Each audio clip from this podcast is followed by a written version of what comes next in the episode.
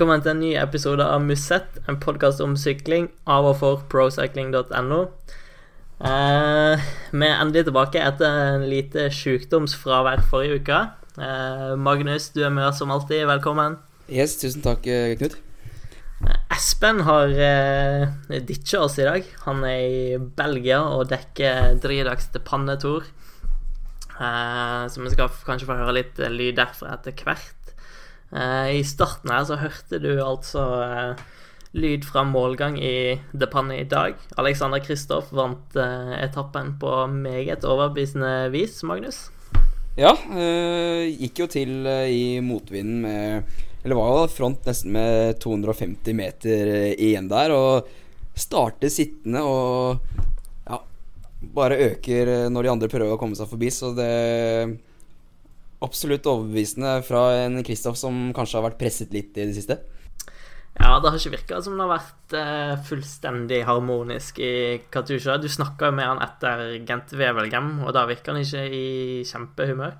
Nei, da Han virket veldig nedbrutt. Eh, altså Kristoff er en som pleier å svare ganske utbroderende på, på spørsmål, men eh, han var litt mer kortfattet eh, etter uh, Gent Wevelgem og var litt skuffet på på mange måter, forståelig nok, men uh, det er tydelig at han føler seg litt uh, Jeg tror nok de, han føler seg litt hardt presset. Det har jo vært uh, Tidligere har han hatt en veldig høy stjerne i Katusha, og veldig Man har jo nesten lest hyllester av Kristoff fra, fra støtteapparat og alt mulig rart, men nå er det kanskje Det er sådd litt tvil rundt formen til Kristoff. Han kjører ikke inn resultater. Han har vel, som han sa i intervjuet med Procycling etter etappen i dag, altså andre etappen av Depanne, at, uh, at hele laget var skikkelig letta. At det kom som en lett, lettelse, denne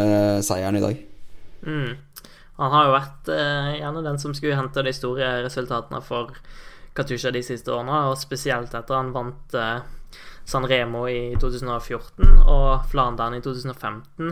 Eh, og nå har de jo ikke hatt en spesielt god oppkjøring til Flandern rundt, som er førstkommende søndag. Eh, så det har vært en del eh, en del press og snakk om han har truffet med, riktig med formen. og Sportsdirektør i Katusha, Torstein Smith, betvilte jo Kristoff sin form og treningsopplegg litt i går. Selv om de påstår de har kontroller. Men så har de jo de har endra litt på treningsopplegget i år. Ja, har blant annet trent styrke lenger inn i sesongen for å få forhåpentligvis en bedre spurt. Men det kan jo ha gått på bekostning av eh, kapasiteten, det. Eh, Stein Ørn nevnte jo at eh, Vatn var eh, bedre på gårsdagens etappe enn var da han vant samme etappe i fjor. Uh, altså eh, I år var det jo ryttere som eh, ja, Philip Gilbert osv. som Luke Durbridge som regjerte på den første etappen, mens i fjor så kom han jo inn sammen med Løve Vestra og Aleksej Lutsenko.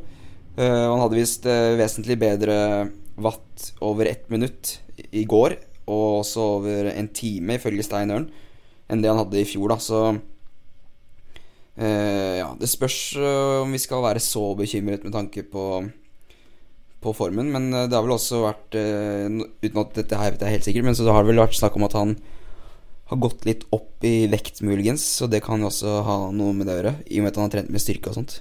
Ja, jeg tror han har snakka litt om at han ikke går like godt i bakkene i år som tidligere. Um, da hvor, jeg har jo kanskje en liten relasjon til styrketreninga, da.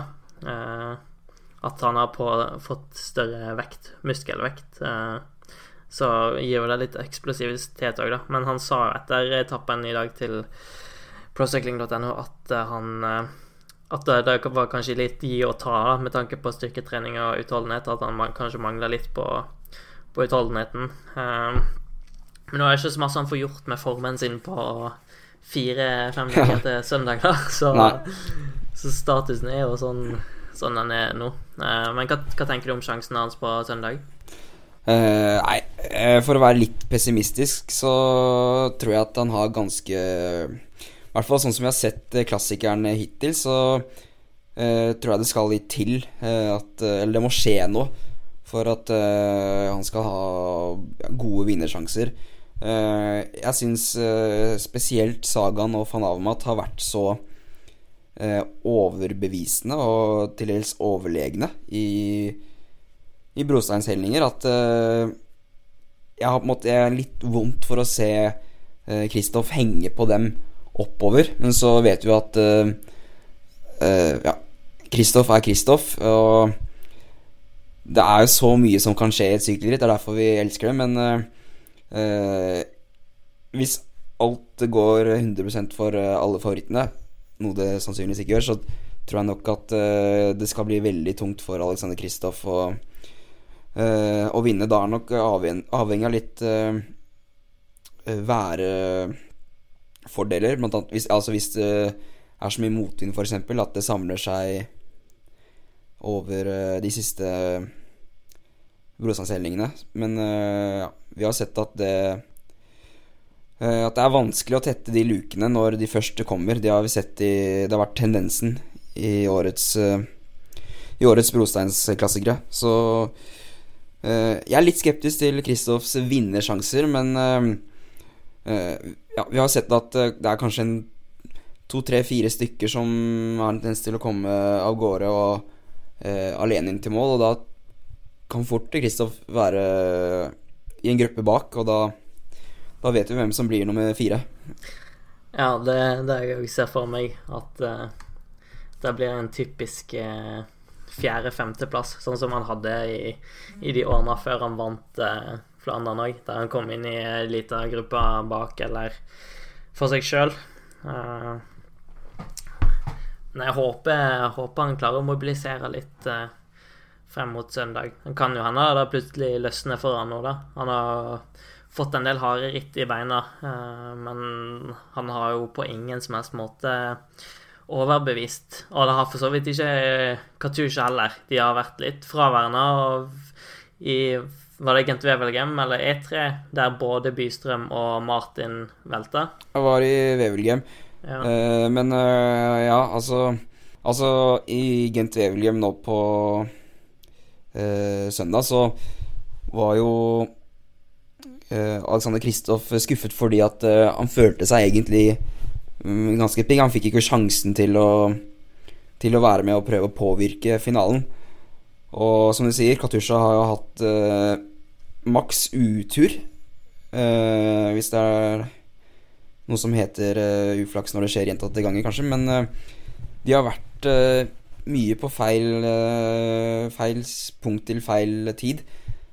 Det begynte jo allerede i omlopp et newsblad hvor Kristoff gikk i bakken. Uh, vi husker jo da Baptist Plankert og Tony Martin eh, gikk i bakken dagen etterpå i Kyrne Brussel Kyrne.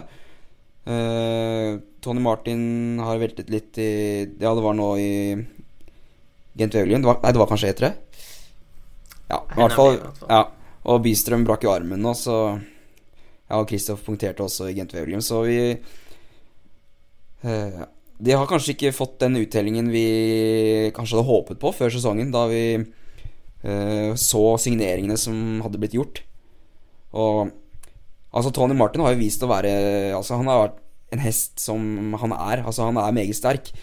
Uh, men vi kan jo stille spørsmålstegn, spesielt var det i I Etre Harbeke, da han uh, Over et, ganske, et flatt brosteinsparti, eller grusparti, så kjørte han så hardt at forfølgergruppen nesten gikk uh, Ble sprengt i fillebiter. Og da satt jo Kristoff uh, nesten på halen og sleit. Og da øh, kan man jo stille spørsmål om hva hensikten var med det. Hvorfor ikke øh, vente til Brosteinspartiet var over, og så få samlet et organi... Altså orga, få organisert et kjør hvor Alexander Kristoff Hvor man kunne kjørt for Kristoff. Da var det ikke mange helningen igjen heller, så. Vi Og samme så vi kanskje også litt i det panne på den første etappen at eh, Marco Haller var med og gikk rundt og kjørte for egne sjanser, selv om han hadde Kristoff bak, da. Mm. Ja, det er ganske tydelig at de ikke har vært helt samkjørt. Eh, men det tar jo litt tid å kjøre sammen en ny tropp, da. Eh, så da kan jo kan det være vi må vente helt til neste år før vi får se den skikkelige avkastninga på, på de nye rytterne. da. Eh, Nå skal jo Kristoff eh, ut på kontraktsmarkedet etter hvert. da. Kontrakten hans går jo ut med Katusha i år, men det er vel sannsynlig at han signerer en ny kontrakt med de, med mindre det skjærer seg fullstendig. Han trives jo godt der. Ja, altså Men jeg tror også Kristoff kjenner litt på det at øh, tidligere har han jo hatt uh, veldig gode resultater og altså hadde jo så utrolig høy stjerne og var jo så utrolig ja, populær, kan man si det, i laget når Eller da han øh, tok disse store seierne sine. Uh, nå føler han, nok, føler han nok litt på presset. Og uh, ja Vi får nå se. Det, økonomien og sånn spiller jo inn veldig. Og det spørs om det er noen lag som er villige til å betale mer, eller ja, mer for Kristoff uh, enn det Katusha er villig til.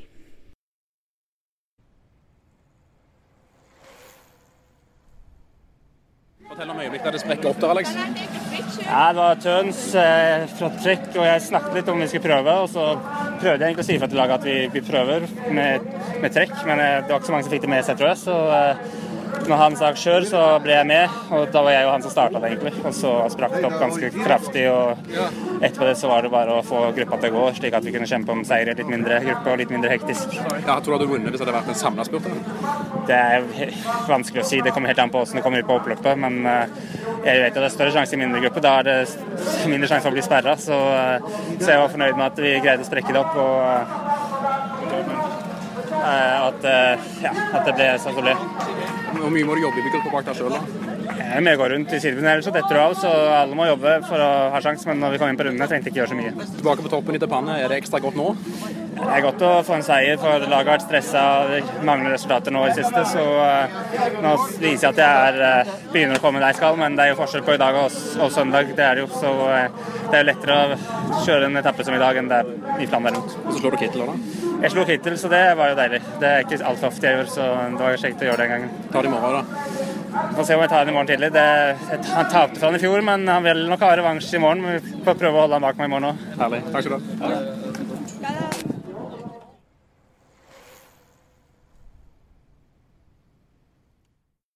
Eh, hvis vi skal se videre på andre nordmenn, så er vel Edvald Boasson Hagen vårt Ja, det er ikke utenkelig at han er vår sterkeste mann på, på søndag. Han har jo vist lovende takter, men dumma seg litt ut i finalen i Gent Wevelgem.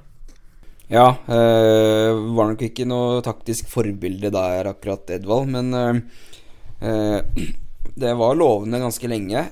Altså, Scott Twaits satt jo med Satt jo med Edvald der, og øh, det er jo veldig positivt at Edvald i hvert fall har én rytter som kan sitte med såpass uh, såpass lenge, og så kan vi jo kritisere Edvald for at han uh, Altså, er det én ting da at man har lært i, Brosteinsklassikerne hittil i år, så er det at når Sagan og van Avamat går, i hvert fall på en flate sånn som det, de kom seg av gårde i, i Gent Wevelgem, altså da går du etter. I hvert fall når ja, det sitter ikke så kjøresterke ryttere i gruppen bak. Så det burde være lekse nummer én for Edvald Boasen Hagen.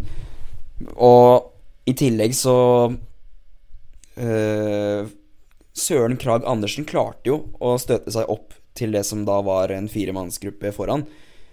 Uh, og Edvald satt rett ved dansken der da han gikk til, og løftet på rumpa uh, for å gå etter, men satte seg veldig fort ned igjen. Og han, Jeg snakket jo med han også, med, også med Edvald etter det rittet, og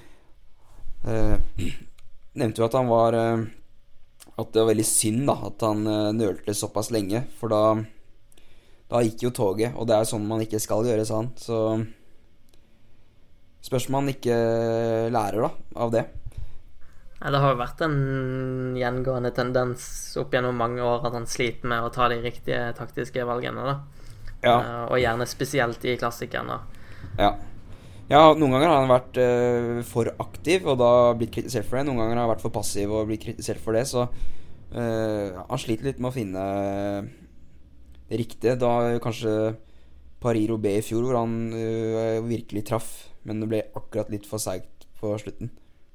Har en sjanse til å komme på pallen tror du? Jeg vil si ja. Eh, Jeg er litt optimistisk, faktisk, på Edvald sine vegne. Eh, Altså Vi så jo det litt i Var det Kemmelberg siste gang?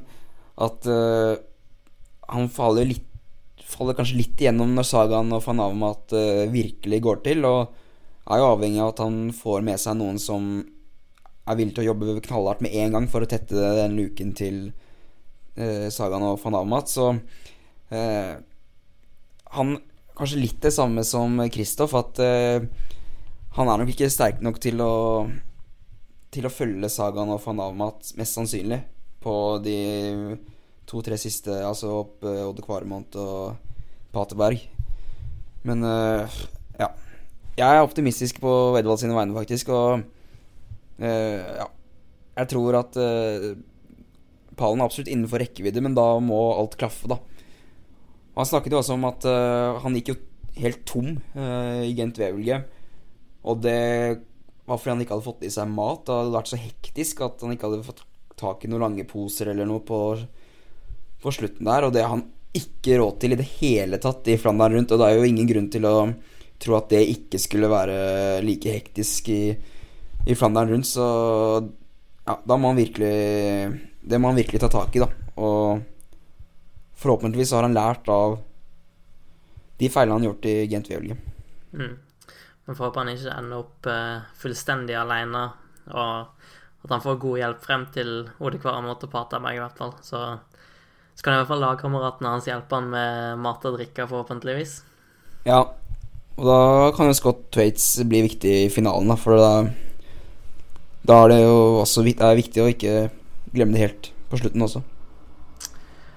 Har vel Grøndal er òg bekrefta til eh, Flandern rundt. Uh, Vegard Stakk-Lagen har vel vært litt usikker, vært litt sjuk. Uh, Ja, men han er vel skal vel foreløpig prøve seg, i hvert fall. Med Ja. det går galt i det pannet nå. som har Ja, Truls Kårseth skal vel kjøre òg. Ja, han skal sykle. Som har fem nordmenn på start. Har Ja. ikke glemt noen, da. Nei, Holgård og Bystrøm er jo da ute, Mm. Uh, i hvert fall. Uh, så da tror jeg ikke vi har glemt noen. nei.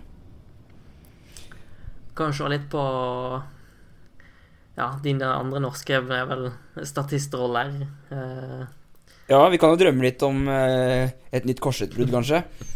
det er ikke utenkelig. Det hadde vært så kult. Han har jo gjort det bra i 23-utgaven av rittet, i hvert fall. Så. Mm. Men spørs om han ikke får en rolle rundt uh, Valgren og Lutsenko og ja, Matti Breschel. Ja, Matti Breschel, ja. Jeg har jo ikke troen på Matti Breschel i det hele tatt. Så Han er kanskje litt over the top. ja, men nå er det typisk at han går og Går og tar pallplassering, men eh, Bare, bare til å sette alle penger på Matti Brechel. Ja. Men eh, av Astana sine syklister så er det nok Mikael Valgren jeg har mest troen på, jeg. Ja, en god, god punch i bakken, da. Så Flandern passer han Ja. utmerket. Han Eh, virker, virker motivert også. Ja. Hvis vi skal se på de store favorittene, så er det jo ingen vei utenom Peter Sagan og Greg van Avermat. Vi har jo fått et veldig fruktbart eh, rivaleri mellom de to, og det er jo gøy med to store syklister som eh, til stadighet kjemper på brostein. Ja, det, det er utrolig kult at vi har Uh, At vi har fått uh, frem to såpass uh, gode stjerner. Og det som er så kult også med disse to, er at hvis det kommer til en spurt hvor begge de to er med, så er det Det er ikke noe sånn at vi vet at Peter Sagan vinner, eller det er, det er ikke sånn at vi vet at Greg van Almat vinner. Så det er helt åpent egentlig på alle mulige måter, og ja. Sagaen er kanskje, kanskje vist seg å være eh, litt sterkere, men eh, Greg van Damat er jo en taktiker som er fylt av eh, klokskap. Eh, der eh, Peter Sagan kanskje ja, ennå har litt å lære. Samtidig så har kanskje, det er vel kanskje ikke at han har å lære, men mer at Altså, han Ja. lar seg styre mer av følelsene sine. Ja, Mens eh, van Avermaet har lært seg å bare være iskald og ja, men da har han noe å lære, da, hvis han eh, Jo, jo, fortsatt lar seg styre av følelsene, Knut. Så klart. Men eh, det er jo veldig gøy Ja. med rytter som bare Ja, ja, ja. kjøre på. Det er, ing- det er jo ingenting som er gøyere enn når du sykler sjøl og bare støter som faen etter de som støter, sjøl om du sprekker som en ballong ti minutter etterpå. Ja, jeg kjenner meg litt igjen eh, der, men Men det ligner jo veldig på rivaleriet mellom Born og Cancellara. Bare at det, de er jevnere i avslutningen. ja. Born hadde jo alltid et uh, overtak i spurten mot Cancellara, mens her er det, som du sier, veldig bingo hvem som kommer ut på toppen, da. Ja, altså Sagan er jo, skal jo være en bedre spurter enn van Amot, men når det er sånne spurter med få deltakere, holdt jeg på å si, så er det så mye som spiller inn. Det er, man starter gjerne i lav fart. Eh, ja, noen må starte i vinden, osv. Så, videre. så Og det er jo et litt interessant eh, aspekt, kanskje, fordi at La oss si at eh, Greg van Avermat og Peter Sagan kommer sammen inn på oppløpet i Hva heter byen? Odd Odd-Narde. Odd Narde, ja. Eh, kanskje med én eller to eller tre ryttere til. Da vet vi alle hvem som kommer til å ligge først når det er 500 meter igjen.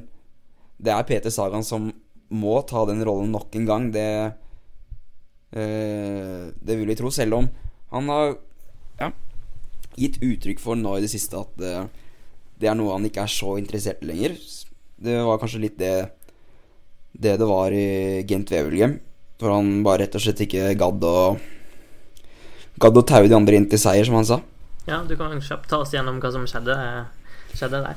Ja, det var vel uh, Nikki Terpstra som ikke ville ta eh, en føring eh, i den femmannsgruppen, da, bestående av Kaukeleire van Avermaet, eh, Krag Andersen, Sagan og da Terpstra. Eh, og det ville ikke Sagan være med på. Han har nettopp tatt en ganske hard og lang føring. Og så må han inn som nummer tre i rekken igjen. Det skjønner jeg at Sagan ikke vil. Og da vil han ha frem Terpstra og Krag Andersen, men eh, ja, de er jo også litt eh, Ja, hvorfor skal de dra? De taper jo mot uh, Sagan i spurten uansett. Så da statuerer vel nesten Sagan et eksempel. Jeg tror uh, Han hadde aldri gjort det der i Flandern rundt, tror jeg. Men uh, Nei. Han, han kunne kosta på seg å tape Agent Wevelgem. Det er ikke det viktigste rittet nei. på kalenderen. Nei, og da Ja, det, var jo, det er alltid gøy med litt ting som skjer, og litt ordkriger og litt sånt etterpå, men eh, Ja, det var jo diverse barnsligheter, kanskje, som uh, snek seg fram Ja, etter det. Nikki Terpstra ble jo beskyldt av eh, Søren Krag Andersen for å spytte på Ja, at Terpstra spytta på Søren Krag Andersen, da. Uh, Terpstra avviste jo det til Het Newsblad eller The Telegraph eller noe sånt. Eh, og sa han skulle personlig ta kontakt med Krag Andersen og, og spørre hva det var han snakket om. Ja, jeg Men, eh, Jeg tror ikke vi skal legge for mye i det. Altså, det hadde nok blitt fanget opp av noe TV, Ja, det er godt mulig. men det Ja. Det er jo sånn som kan Det er jo altså Har jo blitt spyttet på i feltet selv, da, for å si det sånn. Det er jo sånn Sånn som fort kan skje.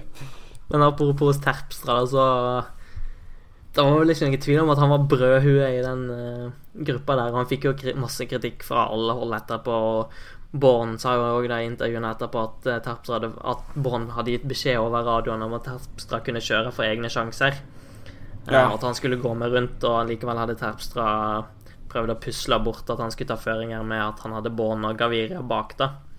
Mm. Og så så jeg på veloropa.dk Kim Plesner hadde skrevet en artikkel der han kalte Han skrev sitat Nikki Terpstra er en bunke avfall på det medmenneskelige planet. så det er ganske tydelig at uh, Det er ikke noe jeg har fått med meg, men det virker som Terpstra tydeligvis er en stor idiot ut ifra det han leser på Twitter og Ja, de- nei, de diverse nettsteder.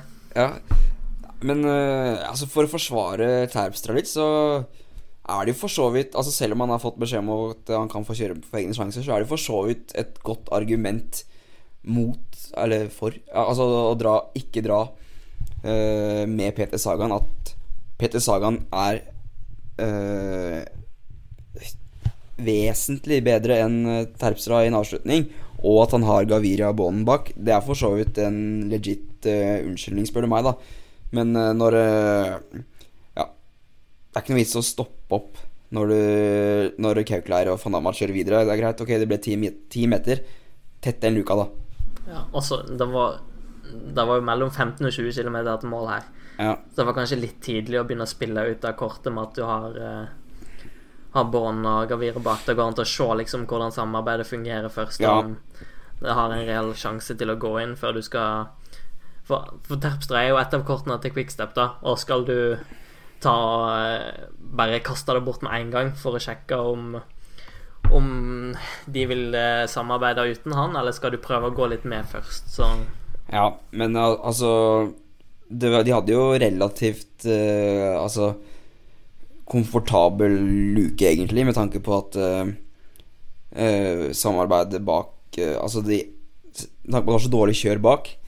det var liksom et par hjelpere fra Cofidis, et par hjelpere fra Lotto som prøvde å trekke, som prøvde å eh, og tette, men de er jo helt på stålet, de. Og hvordan, ja, hvordan skal de klare å kjøre inn en gruppe bestående av Altså når van Avermaet og co. kjører maks ja, Det har i hvert fall vært uh, tendensen eh, i I uh, de belgiske brosteinsrittene i år at eh, når en sånn gruppe får gå, så skal det så mye til for å kjøre dem inn. For du har ikke det eh, Altså Kaggestad snakker jo hver juli om at det er ett minutt per mil som gjelder, men det er jo da når det er dårlig, i anførselstegn, uh, ryttere i brudd og uh, spreke hjelperyttere bak. Så i- Ja. Det var jeg, I mine øyne i hvert fall så var det ganske sikkert at det kom til å gå inn da de begynte å lure på hverandre, men uh, ja, det var ikke Ja, og så kan vi også stille litt spørsmålstegn ved Søren Krag Andersen, kanskje. Eller ja, nå er jo han eh, desidert eh, svakeste kortet i den gruppa, men eh, ja. innehar en ikke helt ufarlig avslutning, og en topp tre-plassering for han der ville jo vært helt enormt. Når han begynte å gå rundt han etter hvert òg, når han skjønte at, eh, at han måtte, da. Så Men vi kan jo gå litt videre på Apropos Terpstra og Quickstep. De har ikke hatt en veldig De vant eh, Dvarsdalsflanderen med Yves Lampert. Uh, Philip Gilbert vant første etappe i Depanne. Men ellers så har det vært ganske skralt. Eh, vi kan ta de fire sterkeste rytterne deres, da. Vi kan ta med Matteo Trentin òg, sammen med fem. Uh, så har du Nikki Terpstra, Stenik Stybar, Tom Born og Philip Gilbert. Uh, det er Ja. sterkt over hele linja, for å si det sånn. Og da har du også Yves Lampert, da, som vant uh, og Flandern, i tillegg til de fem. Mm. Så De, de sliter med å finne riktig vinnerformel her. ja. Altså, tidligere så var jo både Altså, for et par år siden, da, så var jo både eh, Terpstra og Stybar blant annet var jo eh, blant de absolutt beste. Altså, de var eh, Var blant de absolutt største favorittene i blo- Og de kortene de hadde å spille på, var eh, sammenlignet med de andre eh, bedre. Nå er Sagaen og van Avermaet blant annet er så eh, Er så overlegne nesten at eh, de ikke klarer å følge, rett og slett. Og da er det vanskelig å spille ut de kortene, tenker jeg. Uh, kollektivt sett så er jo Quickstep ekstremt solide. Uh, men det virker som de ikke klarer å forene stjernene sine og samarbeide godt nok til å kjøre inn Avermaet og Sagan. Hvis de har Terpstra, Born, Styber og Skilberg sammen, så burde det være mulig å få til et samarbeid som kan hente inn de. Ja, det er kanskje litt det som er eh, problemet deres. Det er for mye søl, rett og slett. For mange kokker og for mye søl. Eh, det, er, det er ikke helt klart hvem som må gjøre Gjøre hva i en sånn situasjon. Mm. Eh, Gilbert virker jo nesten som det sterkeste kortet deres nå, da. Ja, uh, utrolig kult at han begynner å vise litt gode, gamle takter igjen. Hashtag Og- kontraktsår. Ja, ikke sant? Det er, det er litt det der. Og det, det med at det er kontraktsår for alle quickstep-rytterne uh, Vi Altså Deres eh, eh, for, fremtid er jo foreløpig ukjent, uh, så vidt vi vet. Og det kan også være en grunn til at eh, de kjenner litt på det. At eh, de føler at de må bevise Bevise noe for å Ja, få gode lønninger hos neste arbeidsgivere. For det, at de får en ny arbeidsgiver, er vel ikke noe spørsmål, men eh, spørsmålet er vel hvor, hvilken rolle de vil få, osv. Og, så og da er det jo greit å ha noen resultater å stå, slå i bord med. Mm. Det er vel ikke utenkelig at uh, Quickstep fortsetter som Nei. lag heller. Helt klart. Uh, men Born legger jo opp etter uh, Paris-Roubaix. Jeg tipper egentlig alt fokuset hans er, er der. Og jeg Ja. tipper han er i, i rute til det. Jeg tror ikke han bryr seg så voldsomt om å vinne Flandern. Og du så jo det i, i Milano San Remo òg. Der gjorde han jo hjelperytterjobb inn mot Poggio for eh, Gaviria. Uh, så jeg tror ikke vi kommer til å se så masse Eller han kommer garantert til å være med der fremme, men jeg tipper de kjører for Gilbert nå, som Ja. virkelig har truffet med formen. ja. Og sist gang han eh, traff så godt med formen, var vel eh, når han vant eh, trippelen i Ardennene. Da var vel òg på kontraktsår, tror jeg. Ja, det var kanskje det. Ja, det var i hvert fall helt utrolig god det året. Men uh, ja, det er i hvert fall kult å se Gilbert litt offensiv og ikke så veik lenger, kanskje. Hvis man Mm. kan si det om uh, en verdensmester. Han har nok hatt det veldig komfortabelt i BMC med høy lønning og Ja. luksusliv i Monaco og etc., etc.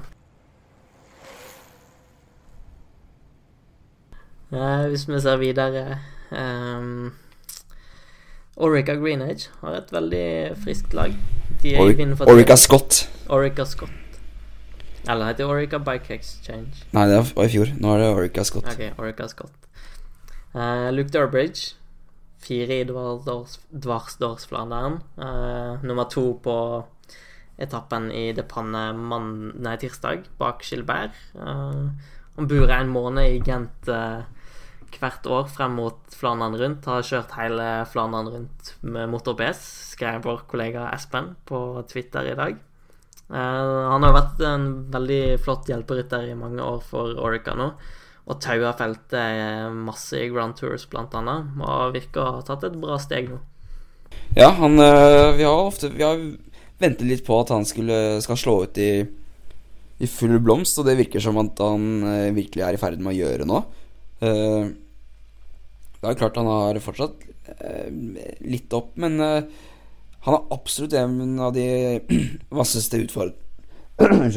En av de absolutt vasseste utfordrerne før søndag. Det er det ingen tvil om. Og Fikk det akkurat litt for tungt mot Gilbert i depannet på den harde førsteetappen.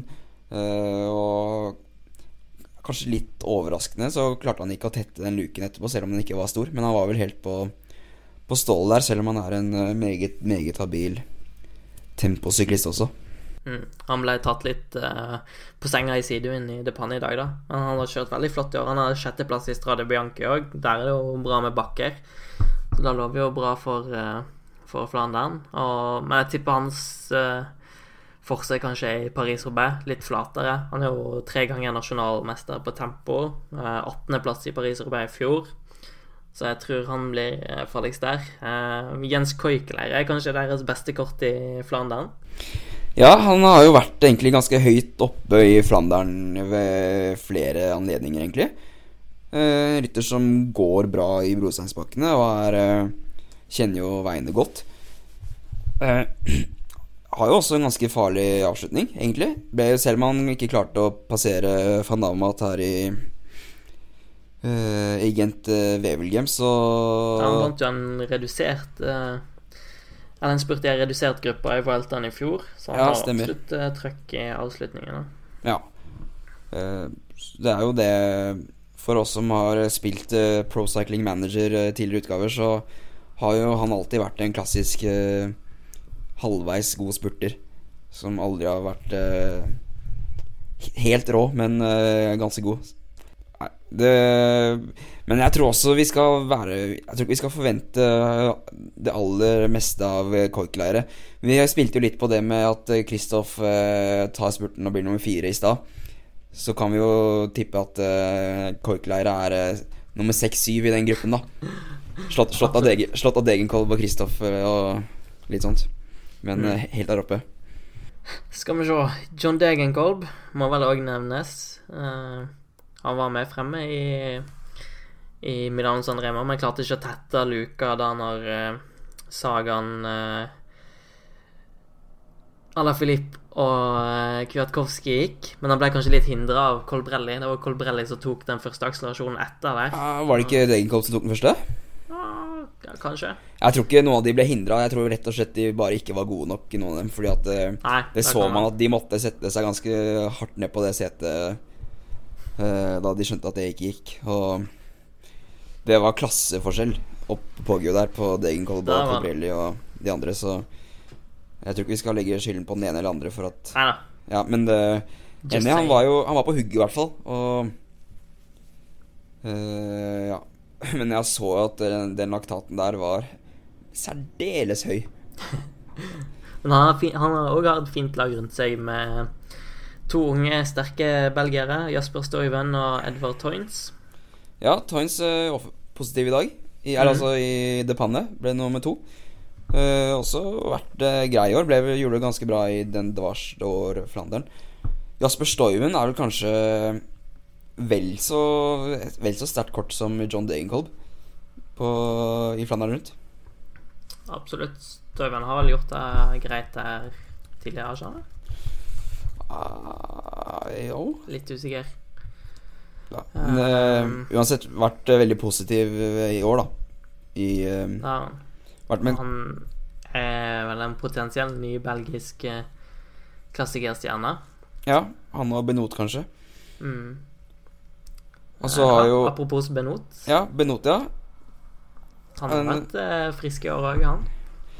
Ja, vi var jo veldig øh, positive til han i poden her før øh, Før Brosteinsklassikeren startet. Og litt i grunn av Han virket veldig sterkt i Portugal, i Vuelta Garve. Uh, var jo god, var med i den gruppen med Sagan og Trentin osv. i Kyrne Brussel Kyrne. Og Mm. nevnte Stoiven, blant annet. Og Nummer fire i køene Brussel-køene. ja. Vi kritiserte han litt da for å ikke Ikke gå. Ikke prøve seg på noe. Og bare vente på en spurt der hvor han var totalt sjanseløs. Men eh, det er vel Flandern som er hans desidert store mål. Største mål i, i årets sesong. Mm. Han godt resultat der fra tidligere. Første sesongen hans som proff i 2015 ble han uh, nummer fem der. Ja, Det er jo helt spinnvilt, egentlig. Ja, det, det er Som hinsides. eh, 21-åring. Det Det er et, han er et sjeldent stort talent. Det er han. Hvis han et par år til nå, så kommer han nok til å kjempe med van Avermaet og, og Sagan. Eh, men han mangler nok den finishen de har, da. Ja. Dessverre. Det, det er jo litt det som er problemet til altså mange av rytterne. da At eh, For det første så må de jo klare å For å slå Sa- Sagan og Fanama, så må man egentlig kjøre fra dem på et eller annet Mm. vis. Og det er, eh, det er så mye lettere sagt enn gjort. Det. Eller altså, det er ikke lettere sagt engang. Ja, det er jo nærmest umulig. Ja, ikke sant. Og Tirsbynot kommer nok til å lide, nok, lide litt av det, da. En annen vi har glemt litt her nå, som jeg kanskje syns er en av de største favorittene bak Sagan og van Avermaet, er Oliver Nasen. Ja, jeg trodde du skulle si Sepp van Marken nå, men eh, ja, Oliver Nasen så vi kan ta Sepp van Marke kjapt. da. Han er jo litt usikkerhet rundt pga. skade og Ja, sykdom. Ja, altså var veldig overbevisende i omlopp i et newsblad. Uh, men har vel eh, Han veltet vel et av de Han valgte vel i Strade Bianchi. Ja, ja gikk ut, i, ut av veien der. Mm. Uh, det var vel noe ribbein eller rygg eller et eller annet som Ja, eh, et eller annet i den dur. Ja, som ikke eh, var bra. Og så ble han jo frisk igjen og kjørte vel Tireno Adriatico ut fordi han følte han måtte ha kilometer i beina, men de var ikke, var ikke i nærheten av noe som helst der. Uh, og så uh, sleit han vel litt med mage, måtte vel bryte et uh, Rittenhoff pga. Uh, magetrøbbel, så det har ikke helt villet seg i oppkjøringen uh, for uh, Sepp van Marke, og det Ja, vi har jo uh, Vi har snakket litt om Altså, Candale er jo et lag som vinner ganske sjeldent store seire. Og vi, ja, vi håpet kanskje at Sepp van Marke skulle være mannen som endret på det, men foreløpig har det ikke sett eh, helt sånn ut. I hvert fall et, ikke etter omløpet i et newsblad. Men eh, er jo for så vidt en mann som kan gå litt under radaren da før eh, Flandern rundt. Ja, han eh, har jo tidvis de siste årene virka sterkere enn både Avermaet og Sagan, så han er jo helt rå på brostein han er i sin beste form, men han har kanskje gjort litt dumme valg og sånt tidvis de siste årene. Men han er absolutt en mann å, mann å se på. Eh, hvis vi går tilbake til Nasen, da. Han har eh, Han satt fint i finalen i Tre Haraldbøkke. Det- Både jeg og Magnus hadde jo penger på han i finalen der, men han ja. Han starta kanskje spurten litt vel tidlig, var litt Ja. lite kald der. Litt, eh, litt urutinert, kanskje. Eh, vi vet jo at eh, Nasen har en eh, har en farlig spurt. Han ble nesten avskrevet av Eurosport-kommentatorene. men eh, det var vel Tour de Eurometropol eller noe sånt nå i fjor, hvor han eh, nesten klarte å spusle Dylan Dylan Gråneveggen eh, på uh, på slutten der. Det ble jo litt, uh, litt uh, ordkrig og sånt etter, den, etter det rittet pga. noe sperring og litt sånt. Men han var, uh, var nesten på høyde da med Gråneveggen der. Og ja, at han At han kunne slå både Gilbert og van Avmat på ingen måte utenkelig i Gent-Wevelgem. Nei, eh, etter Harebekke. Men ble litt for eh, varm i trøya, er det det heter? Litt for kald? Litt for eh, lite kald? Hissig på grøten. Litt for hissig på grøten. Uh, brant seg litt der. Men uh, Jeg hørte på våre kolleger i den britiske podkasten The Cycling Podcast i dag, som snakka litt om, uh, om Nasen. Det var en av spesialpodkastene deres. Eh, og Nasen er visst tidligere eh, et eller annet budbilsjåfør eller noe sånt. Så hadde han en sånn drøye tolv timers vakt der, og så var han ute og sykla. Og minner jo litt om eh, alle de historiene vi hørte om Thomas Digent fra Johan Kaggestad på Tour de France-sendinger. Han var vel veiarbeider eller et eller annet sånt, stemmer ikke det? ja, det, det her er snevert for meg, Knut. Selv for meg. Det er masse sånne ville historier. Og Floyd Ja. Landis òg hadde vel noe sånn han var trente på natta fordi han jobba hele dagen. Og sånt. Ja, ja, og eh, apropos Kaggestad har vel også snakket mye om eh, at Cancellara må, gikk ut og syklet uh, før skolen eller noe sånt noe, fordi, eller i skjul fordi han ikke fikk lov til å være ute alene eller ja, et eller annet jalla greier. Hvis man eh, ja, ja, Han er visst en skikkelig gårdsgutt, han Arsen, da. Så ja, ser litt gå- ut, hvis man kan si det.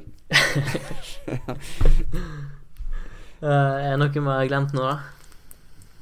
Uh, av eh, favoritter og DeMar virker jo litt på nedadgående kurve. Ja, dessverre. Rålands fin outsider. Han Ja. og Benot kan jo spille litt på hverandre. Ja.